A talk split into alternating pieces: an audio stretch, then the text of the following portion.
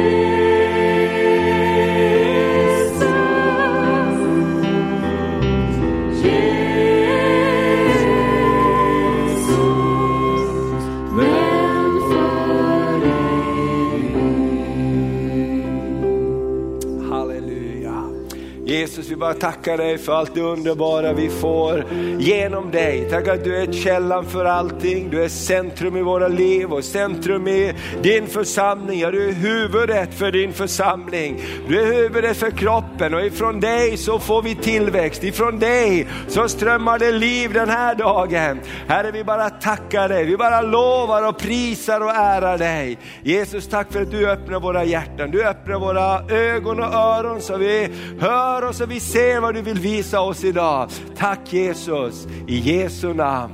Amen. Allt folket sa det. Amen, härligt. Varsågod och eh, sitt en liten stund.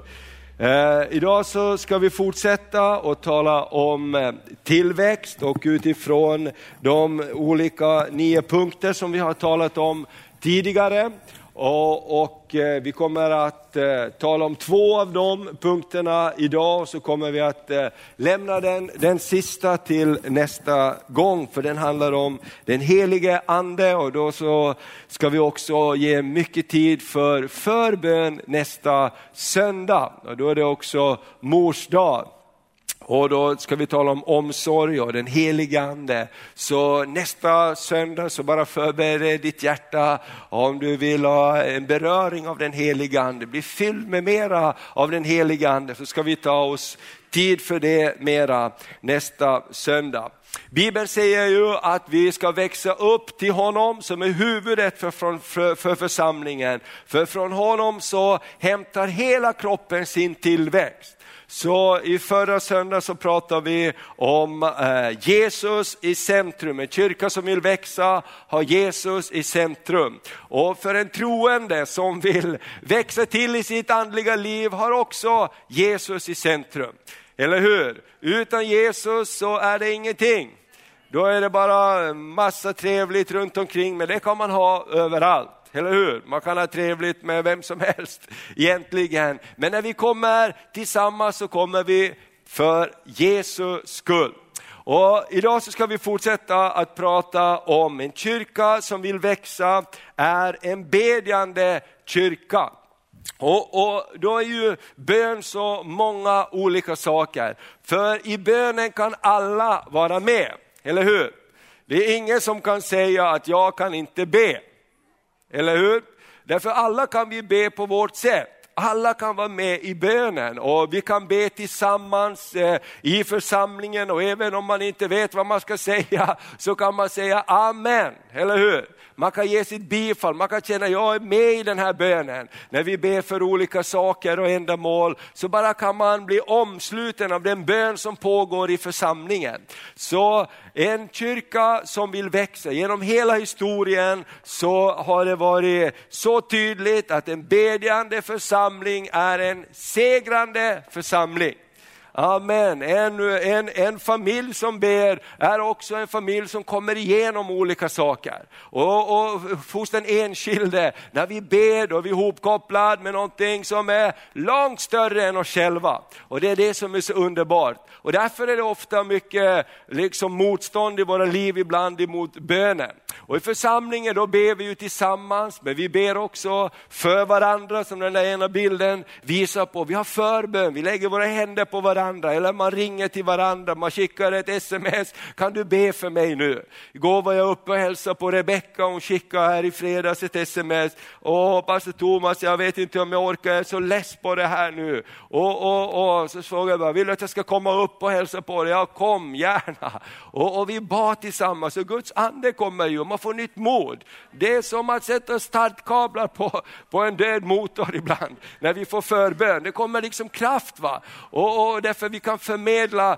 kraft till varandra. Och vi ber också med, med, inför när vi läser Guds ord, för vi fattar inte alltid den här boken. Eller är det någon som gör det? Vi fattar lite grann, men vi fattar inte allt som står här. Och vi säger Gud, öppna den här boken för oss. Så jag förstår, så det här blir liv, så det blir mat för min invärtes människa. Och ibland så kan man bara få, av allt det man läser, så kan man bara ibland få ett ord, en, en, en mening ibland som bara finns på insidan av en, som bara kommer till en, som kommer tillbaks till en när man går igenom olika utmaningar. Det bara kommer tillbaks till det ordet. Därför det är fött i bön. Kanske någon har bett för dig, kanske någon har, har, har varit i förbön för dig och så kommer det ett ord till dig som bara lyfter dig mitt i en situation som ser så mörk ut. Så bönen är någonting fantastiskt som Gud har gett oss. Och det, det, den församling som ber är också den församling som kan gå igenom olika saker med Guds hjälp. Några citat härifrån eh, kända kristna eh, genom historien. David Shaw sa så här. Utan bön klarar jag mig inte. Det är källan till kraft. Och vi vet att han har varit med och, och, och, byggt upp eh, historiens största lokala församling. När han lämnade över den och gick i pension, då hade han 800 000 medlemmar. Och, och, och, och, Det har bara skakat på de här 60 åren, hela Sydkoreas nation. Och de har ju sitt böneberg och han eh, får en massa besök från olika håll i världen och de alla ställer samma fråga, vad är hemligheten, vad är nyckeln till att ha en växande församling? Och han har det här samma svaret till alla, en bedjande församling, en växande församling. Och de har böneberget som de har skapat också uppe på en kulle är det som små hyttar eller grottor tänkte jag säga, men det är inte så små, små där man kan gå in och, och, och, stänga in sig och be till Gud och ropa till Gud. Och så många människor som har varit där och sen har de gudstjänster tillsammans och Gud möter dem på ett fantastiskt sätt. Och han har ju, när han ber så säger han till sin sekreterare eh, att då får jag inte bli störd av någon, spelar ingen roll vad det är. När jag har min tid med Gud, då måste jag ha min tid med Gud. Och, och då så skriver han i en bok och det berättas hur i Koreas president ringer och söker honom. Och sekreteraren säger tyvärr, han är i ett väldigt viktigt möte, han kan inte bli störd just nu. Och så säger han, men det är ju president, jag är ju president. Kan han ha ett viktigare samtal än med mig? Jo, han har faktiskt med den högste presidenten ett möte just nu. Och det här gav ju en sån respekt till eh, Koreas president också, att, att han värdesatte den tiden dyrbarast av alla. Och också, därför att utan bön klarar jag mig inte, säger han. Och det är ett väldigt bra statement. Augustinus sa, först bedjare, sedan talare. Och det vet alla som har svängt på det här. Man har talat först så kan man få be väldigt mycket efteråt. Eller hur? Ja men oh, varför sa jag det där? Gud hjälp mig. Okej, Luther sa, idag har jag så mycket att göra att jag måste be mycket. Hur ofta svänger vi inte på det också? Idag har jag så mycket att göra så jag hinner inte be. Jag hinner inte ta tid med Gud idag för jag har så mycket. Och Luther sa, om jag ska klara den här dagen, då måste jag be. Amen. Eh, Hudson Taylor som var eh, Kina-missionären som bröt väg, kanske mer än någon annan in i, i detta land, stora land. Han sa så här, genom bönen så stämmer vi livets instrument. Amen. För i bönen så måste vi komma ner och vi måste känna och efter ett tag när vi bara har bett, oh, ba, ba, ba, vi bara ber och så känner vi att ja, nu måste vi kanske låta Gud också prata till oss. Vi måste komma ner och ibland får man bara vara tyst inför Gud. Ibland så känns det bara som han stämmer livets instrument hos oss. Så det händer i bönen. Och man kan brottas med tvivel ibland, men ge dem till Gud. Moder Teresa sa, utan bön finns ingen kraft. Och det kan jag väl säga, det är någon av de saker som har imponerat mest på mig när, när, när jag besökte hennes hem och, och de hade i Calcutta i Indien och det pågår ju full fart där, arbete och så hade de lagt upp den här väggen där hon hade sitt bönerum, så hade de bakom glas satt upp hennes små lappar. För varje dag så tog hon en timme och mediterade och bad och mediterade på vad Jesus hade gjort för henne så att hon skulle kunna gå ut och göra samma saker för människor i nöd. Och hon bad och det var hennes motor. Och, och, och hon säger också, allting startar med en bön. Gud hjälp mig. Och när hon kom till Indien och fick nöd för Indiens folk och de fattiga människorna så startade det med en bön i hennes hjärta. Gud hjälp mig så att jag kan få hjälpa de här. Amen. Så de här människorna som har gått före oss, de vittnar och säger bön är jätteviktigt. Amen. Så därför är bön så mycket och, och gemensam bön också, att vi kommer tillsammans och ber. Det, det, det hjälper oss i bönen. Och underskatta inte den gemensamma bönen, därför att när vi kommer tillsammans och ber, då är det som många motorer kommer tillsammans. Det är som alla cylindrar liksom kopplas ihop till en jättemotor. Amen, och det bara går och står tillsammans och Guds kraft är i rörelse. Och be också i den heliga Ande. Jag vill bara säga det nästa söndag, så, så vill jag be för det. Jag bara kände det när jag förberedde också. Vi ska ta mycket tid nästa söndag och be och förbön. Om du vill uppleva dopet i den heliga Ande, eller om du känner att det har glidit ifrån dig, så kan du få en ny start tillsammans med den heliga Ande. För han finns hos oss varje dag. Amen, och han är bönens ande och han kommer över oss. Och, och, ibland så är det bara underbart att låta det bubbla från insidan. Amen. Ofta när jag kör så brukar jag be i, i, i tungor. Jag tycker att jag har kommit på det, jag kör en sån här skotermotorcykel som jag brukar plocka fram när solen kommer fram. Och jag tycker att det är härligt, när man åker bil då kan man ibland sätta på radion och man försvinner bort. Men när man åker den där då, då har jag inte så mycket annat för mig. Det är nästan när jag sätter på hjälmen så börjar jag be. Eh, jag tycker vilket är väldigt märkligt men det är härligt. Amen. Eh, jag vet inte varför jag börjar be, om det är så farligt eller om det är anden som börjar be beskydd eller vad det är. Men, men i alla fall, vi har det ju med oss hela tiden, eller hur? Underbart. Så, och den första församlingen var också en bedjande församling, en bedjande kyrka. Kan vi ta nästa bild här så ska vi se på några bibelord från apostlagärningarna. Och då kan vi se också eh, hela vägen där att eh, Jesus sa till lärjungarna, vänta Jerusalem tills ni blir beklädda med kraft ifrån höjden. Och det står att de var tillsammans i övre salen och de bad där när den helige ande kom över dem. Så församlingen är född i bön. Och det är precis så de fortsätter också. Sedan så kan man läsa i Apostlagärningarna 2 och 42 att eh, vad gjorde man när den helige ande hade fallit? Vad gjorde man i den första församlingen? Jo det står, de höll troget fast vid apostlarnas lära, vid gemenskapen, vid brödsbrytelsen och bönerna. De höll fast vid någonting. Och när behöver man hålla fast vid någonting? Jo, när saker skakar i ens liv ibland, då söker man efter någonting stadigt att hålla fast vid. Eller hur? Och den första församlingen uppmanas att hålla fast vid bönen. Amen, de höll fast vid bönen. Och de, de var en bedjande församling kan vi se ifrån Apostlagärningarna. Om vi tittar längre ner i kapitel 3, den första versen, så står det Petrus och Johannes var på väg upp till templet vid tiden för bönen, man ber vid nionde timmen. Och det är ungefär klockan tre på eftermiddagen. Då var det bön, då var de på väg upp till bönen. Amen, som pågick i församlingen. Och det är en bra påminnelse till oss också att vara med på bönerna, i hemgrupperna, i församlingen när det är bön. Och vi kan inte tro att vi ska kunna, som Hasse brukar säga, hur ska vi kunna orka bära väckelse om vi inte orkar be?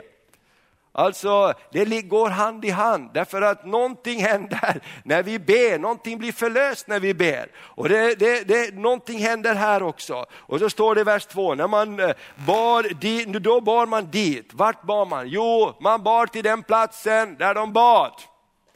För människor vet att där man ber, då händer det saker. Även de som inte är frälsta vet att, kan ni be för mig? Vi, vi, vi, har ju haft någon situation här och jag glömmer inte när den här kvinnan eh, som, som inte är aktivt eh, kyrklig på något sätt, det hade hänt en olycka nere på rondellen där och det var en som blev skadad och hon kom hit och sa jag måste få en böneduk för att föra till min vän på sjukhuset. Bara, men vad då liksom, eh, tror du? Ja, jag måste ha en böneduk nu. För min vän som ligger på sjukhuset har varit med i en kollision. Vadå? Därför de vet, här ber man. I kyrkan ber man och då kan man få hjälp och kraft. Och då står det så, då, då bar man dit en man som hade varit lam från födseln. Varje dag satte man honom vid en tempelport som kallas sköna porten för att han skulle be dem som var på väg in i templet om en gåva. När han nu såg att Petrus och Johannes skulle gå in i templet bad han om en gåva. Då fäste det blicken på honom och Petrus sa, se på oss. Mannen såg uppmärksamt på dem och väntade sig att få någonting. Men Petrus sa, silver och guld har jag inte, men vad jag har, det ger jag dig. I Jesu Kristi, Nazarens namn, stå upp och gå. Och han tog honom i högra handen och reste honom upp. Genast fick mannen styrka i fötter och vrister. Amen. Någonting kommer också över oss när vi är på väg till Gud. Amen. I bönen, då får vi en förväntan. Gud kan göra det. Och hur ofta har det inte sett omöjligt ut för Guds folk, men man har bett. Man har bett till Gud, man har kastat sig på Gud, man har ropat till Gud ibland i sin förtvivlan och Gud kan göra det omöjliga möjligt. Amen. Gud kan göra det omöjliga möjligt. Halleluja, Gud kan låta eh, sin kraft komma i rörelse när vi är i rörelse mot honom i bön också. Ska vi titta också i kapitel 4, för det här leder ju till att det blir upplopp och de hamnar i fängelse därför att den här mannen hade blivit botad. Det är också en lärdom, när vi går med Gud så är det inte alltid bara stiltje. Grejer kan hända. Eller hur? Därför att vi går in på mörkrets område och säger, var det ljus här? Amen. Vi säger till förruttnelsen att det ska bli liv här. Vi säger till de döda att få liv. Och någonting händer i alltihopa. Men vad händer då när de har varit i fängelse och inför Stora rådet och blivit frigivna? Då står det så här i vers 23 kapitel 4. Sedan de hade blivit frigivna gick de till sina egna och berättade vad översteprästerna och de äldste hade sagt till dem. När de hörde detta ropade de endräktigt eller tillsammans till Gud och bad. Herre du som har skapat himmel och jord, hav och allt som är i dem. De kom tillsammans och de ropade till Gud. Eller hur? Amen. Vad gjorde man i den första församlingen när man blev utsatt för saker? Vi kommer tillsammans, vi ber tillsammans och vad händer här lite längre ner i samma eh, kapitel? Står det så här i vers eh, 31. När de hade slutat att be. Amen. När de hade slutat att be i samma kapitel i vers 31, skakades platsen där de var samlade och de uppfylldes alla av den helige anden och predikade frimodigt och Guds ord. Och I finska bibeln står det att de uppfylldes allt mer av den heliga ande. För de var, de var ju redan uppfyllda av anden, men de blev fyllda allt mer. Det kan också hända på ett bönemöte. Amen. Guds ande kan komma över oss ännu mera och det är så underbart. Det var där jag kom igenom i mitt andedop på ett bönemöte. Amen. Guds ande kom över mig, de bad för mig. Vi var ute på en bondgård och bonden frågade, är du verkligen döpt? Är du döpt i den helige ande Thomas? Ja, ja, sa jag, lite grann. För jag bad bara så jag själv kunde höra, så inom mig men då ska vi be så du kommer igenom. Och så la de sina händer på mig, vi var ett gäng ungdomar där och den heliga ande kom över mig. Oh, så jag började tala högt i tungor, jag kunde knappt sluta för någonting brast på insidan av mig och började komma med en ny frimodighet som jag inte haft. Och någonting hände på insidan av mig den där, den där gången. Och det är någonting som händer när vi kommer tillsammans. Guds kraft kommer i rörelse när vi ber. Amen. Halleluja, därför är det aldrig kört för den som tror på Jesus. Det kan se ut så, men just det att vi har en hemlig kraft. Amen. Vi har en väg, vi har en bönens väg, vi har en kanal som vi litar på och som man har litat på genom hela historien. Bönens väg. Amen. Jag vägrar släppa taget. Det är mammor, det är pappor som kan stå i tro för sina barn och de bara står i tro, de släpper inte taget. Och vi har den här kvinnan i gamla testamentet som inte gav sig med mindre än profeten kom. Han skickade sin tjänare och han sa, du kan stå där och vänta, det var inte det jag kallade på, jag kallade på honom som kom hit och sa att jag skulle ha ett barn. och hon, han var tvungen att komma och, och, och liv kom. Amen. Och Gud gör någonting när vi står tillsammans i bön och när vi står i bön. Och i Apostlagärningarna 16 så står det också om hur Paulus när han kom till en ny plats så börjar de med att be. Och så står det så här i Apostlagärningarna, det 16 kapitlet och ifrån vers 11. När vi la ut från Troa så seglade rakt över till Salomotrake och nästa dag till Neapolis och därifrån till Filippi som är en av de ledande städerna i den delen av Makedonien och en romersk koloni. I den staden stannade vi några dagar. På sabbaten tog vi vägen ut genom stadsporten och gick längs en flod där vi antog att det fanns ett böneställe.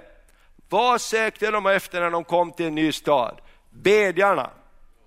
Amen. Människor som bad till Gud. De kanske inte fann dem mitt inne i centrum, men de fann dem lite utanför längs med en flod. Där står det att de fann människor som bad. Vi satte oss ner och började tala till de kvinnor som hade kommit dit. Och Gud, står det, rörde vid deras hjärta. Och så står det i vers 16, en gång när vi var på väg till bönestället, och då kom ju den här flickan med den orena anden och det blev ett befrielse under. Så grejen är det, när vi ber så rör det om saker. Det händer saker när vi ber. Om inte Paulus hade gått dit och fortsatte att gå dit, så hade aldrig det här befrielseundret med flickan hänt som öppnade upp hela staden för evangeliet. Och ibland så måste man ha tålamod, för det står så här att hon kom dag efter dag när vi gick till bönestället, så kom hon och ropade efter oss. Och så står det lite längre i kapitel 16, en dag så vände sig Paulus om och sa till den orena anden, gå ut ur henne och bli fri. Det betyder att Paulus och hans team, de höll ut i bön tillsammans. Amen. Vet du vad? Gud har ingen begränsning på den kraft han vill förlösa. Amen. Men jag tror att det, det, är så att vi måste koppla ihop och lära oss att koppla ihop med den helige ande och med bönens ande. Amen. Och Det står så här också om Jesus, att desto mera som hände i Jesu liv, desto mera var Jesus. Och Det står i Lukas 15, 5, 5 och 15 kan vi läsa. Jesus han är ju vårt exempel, eller hur? Eller hur? Ja, det är bra. Det är inte Buddha som är vårt exempel. Jesus är vårt exempel. Halleluja. Och, och då står det så här i Lukas 5. Vi tänkte på det för Jesus han älskar alla människor. Jesus är bra. Amen. Vi tänkte, tänkte på det igår när det var som rabalder, när Jimmy Åkesson skulle komma till Örnsköldsvik och människor eldade upp sig och det var en, en stenad och fin eh, demonstration där på torget. Men jag sa, vi, vi sa hemma, man skulle egentligen ha en skylt där det stod Jesus älskar Jimmy. Eller hur? Jesus älskar Jimmy. Amen. Jesus älskar Jimmy. Ibland tänker man på hur många av oss ber för typ en som Jimmy Åkesson. Vi är ibland väldigt snabba att slänga stenar på alla möjliga, men jag tror ibland kallar Gud oss också att göra det som vi kan göra. Amen. Gud kunde omvända större eh, eh, eh män än, än han, eller hur? Och, och, Det finns någonting också i den kristna tron som kan övervinna det som ser mörkt ut. Men i alla fall står det så här om Jesus, för han lärde sina lärjungar det här. Och Det står i vers 15 och 16. Ryktet om Jesus spred sig ännu mer och stora skaror samlades för att lyssna på honom och bli botade från sina sjukdomar. Men han drog sig ofta undan till öde trakter och bad. Amen. Och andra gånger så ser vi hur lärjungarna söker efter Jesus och de hittar honom vid bönestället. Och de säger, alla människor söker efter dig, det är så många som söker efter dig. Var är du? Jo, jag är på bönestället, därför att jag måste be. Amen. Och när jag ber så får, händer det någonting och det var det lärjungarna såg och därför sa de också till Jesus, lär oss att be. Amen. Och den andra saken vi ska tala om här är att alla kan vara med. Och, och, det är verkligen så att när vi pratar om bönen så är det någonting som Gud kallar oss alla till. Amen. Hur många känner så här att det finns utrymme i mitt liv för mera bön? Amen, det finns utrymme i våra liv för mera bön. Och jag tror att Gud kallar oss, därför att det går inte bara att ha längtan. Eller hur? Man kan inte bara längta efter saker, man måste göra någonting också. Bibeln säger längtan förtär ditt hjärta. Men när man sätter sig i rörelse mot någonting så händer det någonting. Amen. Och därför tror jag Gud kallar oss till bön. Och Gud kallar oss till någonting där alla kan vara med. Och det här är det andra, Gud använder i sin församling lekmän vanliga män och kvinnor. Inga specialister utan helt vanliga män och kvinnor. Vet du att 80-90% av alla som kommer till tro gör det genom en vän. Gör det inte genom en predikant, gör det inte genom en pastor.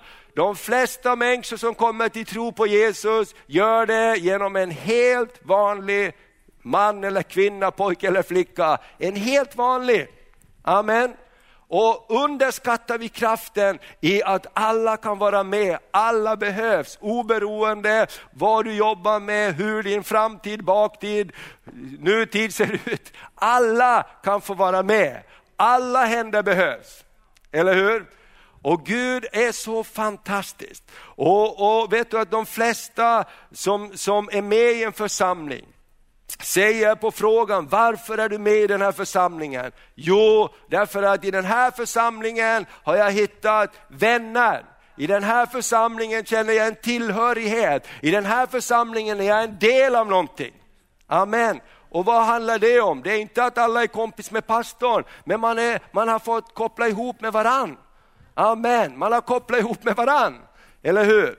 Och då ska vi titta så här på nästa bild här, Apostlagärningarna 4 och 13. Då står det så här.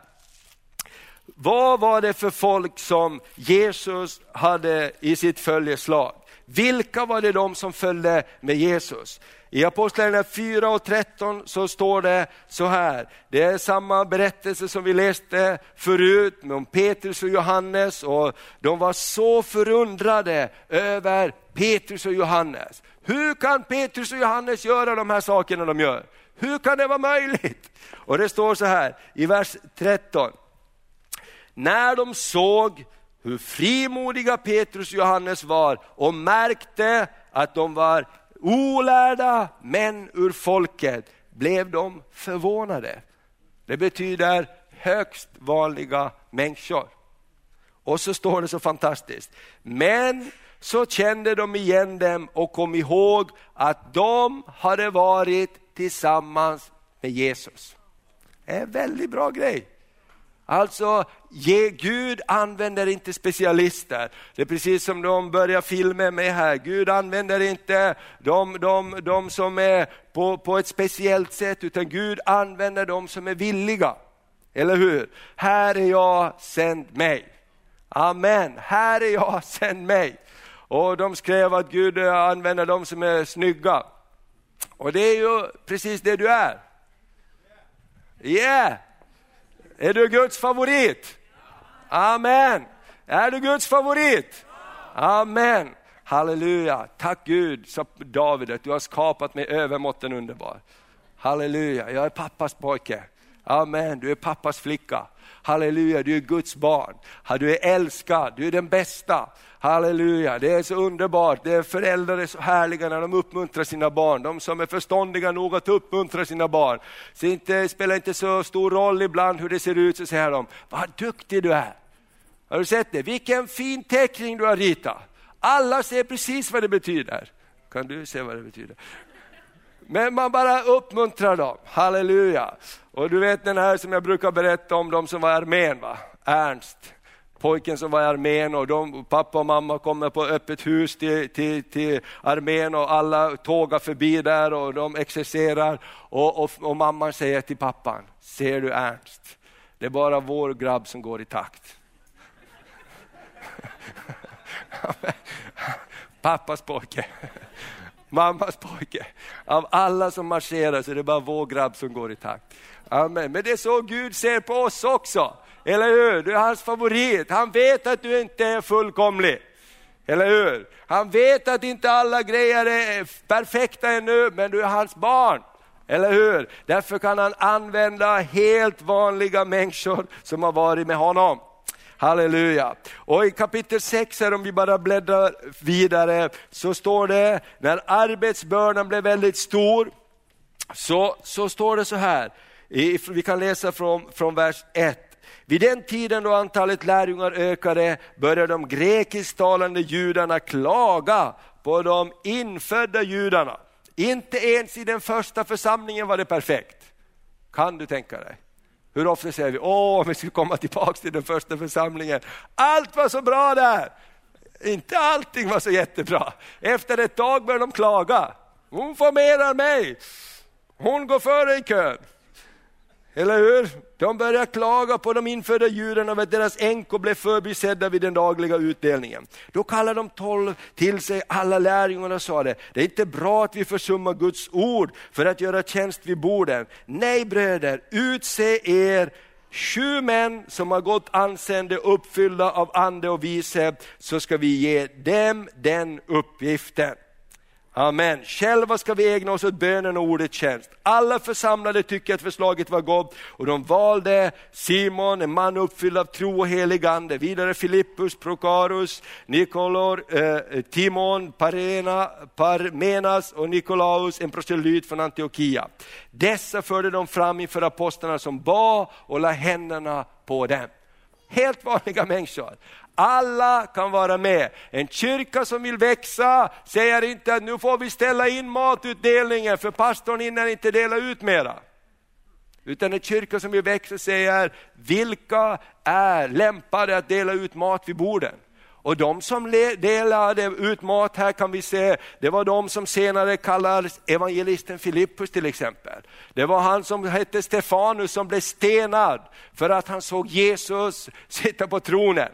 Eller hur? De var uppfyllda av anden, men det var helt vanliga män bland folket. Därför så är det så att alla är betydelsefulla. Och det sista bibelordet här i Apostlagärningarna 9. När Paulus, som hette Saulus, blev kallad att bli en Jesu Kristi tjänare och lärjunge, så talar Gud faktiskt till en helt vanlig eh, lärjunge i Damaskus som hette Ananias. Det står ingenting om honom varken förr eller senare. Men det står så här i vers 10. I Damaskus fanns en lärjunge som hette Ananias. Till honom sa Herren i en syn, Ananias, han svarade, här är jag. Det är ganska bra. När Herren kallar oss så säger vi, inte jag, ta någon annan. Nej, vi säger Herre, här är jag. Herren sa till honom, bege dig till den gata som kallas Raka gatan och fråga Judas hus efter en man som heter Saulus och är från Tarsus. Ty se, han gör vad då? Han ber. I en syn har han sett en man som heter Ananias komma in och lägga händerna på honom för att han ska se igen. Då svarade Ananias, Herre, jag har hört av många hur mycket ont den mannen har gjort mot dina heliga Jerusalem. Och nu är han här med fullmakt från översteprästen att gripa alla som åkallar ditt namn. Men Herren sa till honom, gå, han är ett redskap som jag har utvalt för att bära fram mitt namn inför hedningarna och kungarna och inför Israels barn. Och jag ska själv visa honom hur mycket han måste lida för mitt namns skull. Då gick Ananias och när han kom in i huset la han händerna på honom och sade, enkelt, Saul min broder, Herren Jesus som visade sig för dig på vägen, han har sänt mig för att du ska se igen och uppfyllas av den helige ande. Det var ingen lång bön, det var ingen krånglig bön. Han bara sa, det här är grejen, det här är budskapet. Genast var det som fjäll föll för hans ögon och han fick sin syn igen och blev döpt. Sen åt han och fick nya krafter. Amen. Alla kan vara med. Och därför är det så spännande när vi vandrar med Jesus. Han kan tala till Johan när han står och snickrar på något bygge. Du, säg det här till din kompis på, efter, efter, på fikarasten eller efteråt. Ja men inte kan jag det. Och han fortsätter och snickrar och den helige ande kommer tillbaks och knackar på hans dörr och han säger, men tala till Hasse, skicka Hasse. Men helige ande fortsätter på oss, därför han vill få in alla på banan. Eller hur? Och ibland är det bara något litet ord, ibland är det bara någon liten grej. Men jag säger dig, du är oftare ledd av den helige ande än vad du tror. Du är mycket oftare ledd av den helige ande än vad du tror. Och ibland så blir man så förvånad själv. Gud, hur visste du om det här? Och tack gode Gud att du talar till mig. Och jag kommer ihåg en gång som jag bara skickade ett sms till, till, till en broder. Jag bara kände att jag ska skicka bara ett sms till ett broder, bara med en uppmuntran. Och han var just då i en situation när han just behövde en uppmuntran från Gud. Amen. Och ibland så kan det vara så lite. Och om det nu blir fel, hur stort problem är det då? Eller hur? Den som inte är beredd att göra fel, han lär sig aldrig cykla. Eller hur? Om man inte är beredd att göra fel så kan man inte lära sig cykla, tänkte säga, eller gå ens en gång. Utan prisat vare Herrens namn. Vi kan alla vara med. En kyrka som vill växa använder lekmän. Och det är därför Bibeln talar om församlingen som en kropp med många lemmar, talar amen och talar om ett bygge med levande stenar som förs ihop och han talar om ett heligt prästerskap, många tillsammans. Halleluja. Och det här är ju lite utmanande, eller hur? Är det inte bäst att pastorn sköter det andliga och så hejar vi på? Och Gud säger precis tvärtom. De tjänstegåvorna är satt för att göra de heliga skickliga att göra sitt tjänarevärv, att uppbygga Kristi kropp. Därför kan det aldrig fungera. Det kan aldrig fungera om inte alla tar sitt ansvar och man kliver in i olika saker. Det funkar inte. Därför att ett träd är inte bara en stam, det är grenar, det är löv, det är frukten kommer aldrig på stammen, frukten kommer på grenarna. Eller hur? Som sträcker sig långt ut. Där kommer frukten. Och det finns så mycket frukt i ditt liv som väntar. Halleluja! Och Gud väntar inte tills du har blivit perfekt. Tror du Ananias var perfekt? Han var livrädd när Gud talade, jag går aldrig dit, han är ju en mördare. Och Gud sa bara gå, jag är med dig. Och när man går så är Gud med. Amen. Det, vet du vad, att vara rädd ger oss inte en ursäkt att inte vara modiga ibland. Ibland kan man vara rädd, men Gud ger dig mod. Paulus sa, be för mig att jag får mod att predika. För han var rädd att stå där han stod ibland. Och det kan du och jag vara också. Men Gud vill ge oss nytt mod. Halleluja, och nytt mod, halleluja, kommer på vingarna av ord av tro ifrån varandra av bönerna, av den helige Ande, så bara strömmar det till oss. Och jag vill bara säga till dig också att du är mycket välkommen att komma med i församlingen. Om du inte är med i en lokal församling eller har en gemenskap, kom och var med. Och kom och var med och bygg Guds församling. Kom och var en lem i kroppen. Halleluja, den minsta lemmen kan ibland vara den mest betydelsefulla. Eller hur? Har du haft ont i lilltån någon gång? Det påverkar alltihop. Eller om man har haft någon, någon liten grej som gnager. Åh, här har vi en tandläkare och hur många människor en tandläkare har hjälpt det vet man inte. Men när man har tandvärk så spelar ingen någon roll. Eller hur? Fast du bor i ett slott och åker den finaste Mercedes, men har du tandvärk så säger du, ingenting annat spelar någon roll just nu. Jag måste bli av med tandvärken. Eller hur? Amen. Därför att det är någonting som är där. Allting är betydelsefullt i kroppen. Halleluja, därför är du betydelsefull. Prisat vare Herrens namn. Ska vi bara stå på våra fötter och vi ska be tillsammans, sen ska vi gå in och fira Herrens måltid tillsammans. Och nästa gång ska vi tala om den helige ande, en kyrka som vill växa, är öppen för den helige ande, elden från den helige ande, duvan i den helige ande, vattnet, strömmar som kommer och oljan som flyter. Halleluja, prisat vare Herrens namn. Jag bara tackar dig Herre för var och en Fader som är här den här dagen, som lyssnar till ordet. Tack Herre att du är den som kallar oss. Vi är inte de som har utvalt dig, utan det är faktiskt du som har utvalt oss och du har kallat oss och du har lagt en längtan i våra hjärtan att få vara till välsignelse. Gud, tack att du inte har någon annan än dina barn att skicka. Gud, vi vill inte att stenarna ska ropa, vi vill inte att åsnorna ska börja prata. Gud, använd oss i vår ofullkomlighet. Och jag bara ber om en ny glädje och en ny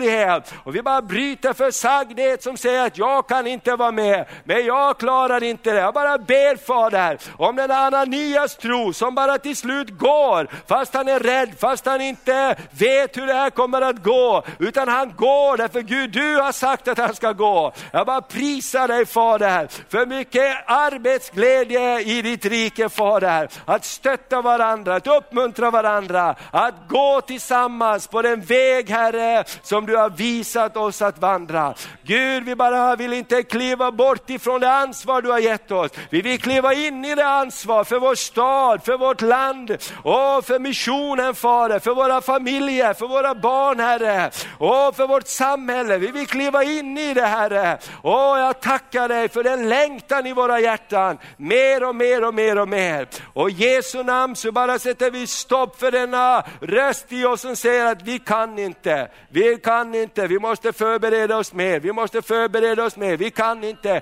Gud, du kallar inte perfekta, du kallar villiga människor villiga människor. Och jag bara prisar dig för villighetens ande. I Jesu Kristi namn. I Jesu Kristi namn. Amen. Underbart. Nu när vi ska fira Herrens nattvard så gör vi det inför honom som sa att den som vill ha del av mig, han ska också äta mitt kött och dricka mitt blod. Och det låter hemskt, hur ska vi kunna göra det? Inte vet jag, men Jesus bröt ett bröd och sa, detta är min kropp. Han lyfte en bägare, välsignelsens kalk och sa, detta är mitt blod, förbundsblodet i det nya blodet i det nya förbundet. Och det är ju så att när vi äter av brödet och dricker av vinet så äter vi en delaktighet av Jesus Kristus själv. Och hur det går till det vet inte jag, men jag tror det. Jag tror att Jesus är närvarande när vi välsignar gåvorna. Jag tror att vi får del av helheten, fullheten av Kristi kropp. Halleluja! Därför säger Bibeln att vi ska inte på ett ovärdigt sätt äta eller dricka Herrens eh, lekamen och, och, och fira gåvorna, den här måltiden, utan vi ska göra det med respekt för Jesus är här. Och vet du vad, när du äter av brödet och dricker av vinet så är det en delaktighet i Jesus. Du är inte ensam, han är med dig. När du äter så kan du känna Jesus, det du gjorde för mig. Det du gjorde för mig, det är en verklighet. Jesus, jag vill vandra med dig och ny styrka kommer till dig. Amen. Ska vi bekänna den apostoliska trosbekännelsen tillsammans? Den som Jesus har eh, den som eh, Jesus har lagt i kyrkan ända från den tidiga kyrkan, han har bekänt sin tro. Vi måste komma ihåg att den tidiga församlingen, de hade inga böcker, de hade inga powerpoint, de hade inga små traktater de delade ut, utan det var vad man lärde varandra, vad man fick lära sig när man kom till kyrkan. Vad är det jag tror på? Jo, vi tror på Jesus Kristus. Eller hur? Vi tror på Gud Fader, vi tror på den helige Ande. Så låt oss tillsammans bekänna trosbekännelsen. Vi tror på Gud Fader allsmäktig, himmelens och jordens skapare. Vi tror och på Jesus Kristus, hans enfödde son, vår Herre, vilken är avlad av den helige Ande, född av jungfrun Maria, pinad under Pontius Pilatus, korsfäst, död och begraven, nederstigen till dödsriket, på tredje dagen uppstånden igen ifrån de döda, uppstigen till himmelen, sittande på allsmäktig Gud faders högra sida, därifrån igenkommande till att döma levande och döda. Vi tror och på den helige ande, en helig allmännelig kyrka, det heligas samfund, syndernas förlåtelse, det dödas uppståndelse och ett evigt liv. Amen. Himmelske Fader, vi bara tackar dig, du som håller himmelen och jorden i din hand. Vi tackar dig som sände din son Jesus för att frälsa världen. Han stod, som avstod från allt och ödmjukade sig och var lydig in till döden på korset. Och därför Herre så har du också upphöjt honom och du har gett honom namnet över alla namn. Så vi ber Herre, möt oss när vi nalkas dig för att ta emot vad du i Kristus Jesus har gjort för oss. Och vi bara tackar dig, helige Ande, för att du gör det, detta levande i våra liv Herre.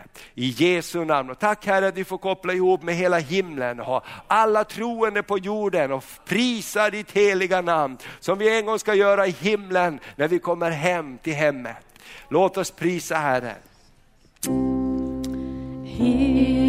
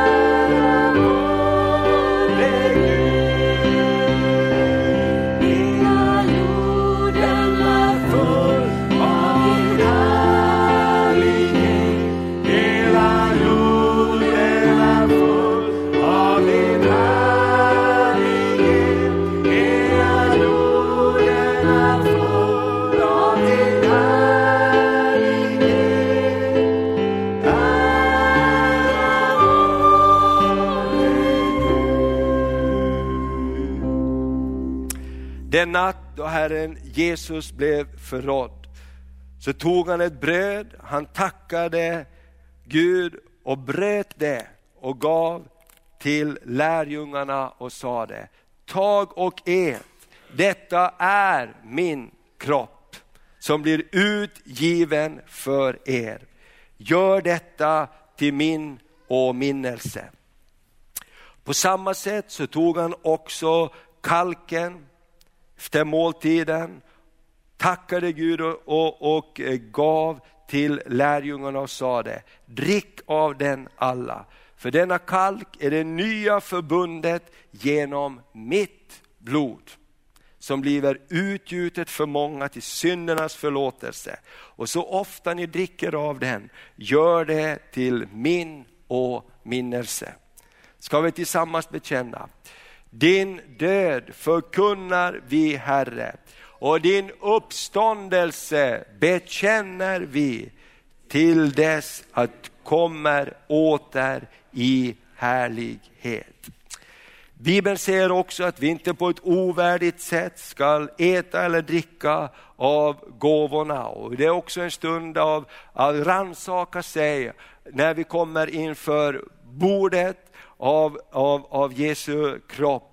Så därför så ska vi ta tillsammans och bekänna vår synd också. Om det är någonting som kommer upp i ditt hjärta. Bibeln säger att den som säger att inte han har någon synd, han är en lögnare. Vi behöver alla Jesu renande blod i våra liv. Så låt oss tillsammans bekänna. Du kan inkludera de saker du tänker på. Jag bekänner inför dig, helige och rättfärdige Gud, att jag ofta har syndat med tankar, ord och gärningar. Jag har inte alltid älskat dig över allting och inte min nästa så som mig själv. Nu ber jag om hjälp att se och bryta med mina synder. Tänk på mig i barmhärtighet och förlåt mig för Jesu Kristi skull vad jag har brutit. Och i enlighet med din bekännelse så tillser jag dig syndernas förlåtelse. För han är vår bekännelses överste präst och hans blod renar oss från all orättfärdighet. Himmelske Fader, vi bara tackar dig över förgåvorna som du har gett oss. Sänd din helige Ande över brödet och vinet. Herre, vi bara tackar dig att när vi tar del av det så tar vi del av dig själv, ditt liv och din försoning och din död på korset som gav oss liv. Jesus, jag bara tackar dig för att vi alla tillhör dig. Jesus, tack att du kommer till oss i nattvarden. Jesus, tack att du själv betjänar oss när vi äter av brödet och dricker av kalken. Herre, jag bara tackar dig för att alla som kommer till dig tar du emot. Vi prisar och ärar ditt namn. Ska vi be Fader vår tillsammans också som Jesus lärde oss att be. Fader vår som är i himmelen. Helgat vare ditt namn. Tillkomme ditt rike. Ske din vilja så som i himmelen, så och på jorden. Vårt dagliga bröd giv oss idag och förlåt oss våra skulder så som och vi förlåta dem oss skyldiga äro. Och inled oss inte i frestelse utan fräls oss ifrån det onda. Ty riket är ditt och makten och härligheten i evighet. Amen. I Jesu namn, amen. Underbart, nu har vi välsignat gåvorna, vi har bett och vi har rannsakat våra hjärtan och nu är allting redo för att äta och dricka av Jesus Kristus. Så jag bara uppmuntrar dig att vända dig till de som är runt omkring dig och önska varandra Guds frid. Och ni som ska vara med och dela ut är välkomna fram här. Amen. Vi äter dig i frid, brödet. Amen. Prisat vare Herrens namn. Halleluja. Herrens frid. Halleluja. Så kom och ta emot vad Herren har gjort för dig. Jesus Kristus, varsågod, här kan ni ta och så gör vi två köer. Och så är ni välkomna under tiden att vi prisar Jesus. Så delar vi ut gåvorna till varandra i Jesu namn. Här ska du få några servetter också, så är ni bara välkomna. Och behöver du förbön så har vi människor som står vid sidorna här också, så ni som är förebedjare kan komma först. Och vill du ha förbön så ta emot förbön. Halleluja, nu prisar vi Herren och så äter vi och dricker av Jesus Kristus själv. Amen, varsågoda.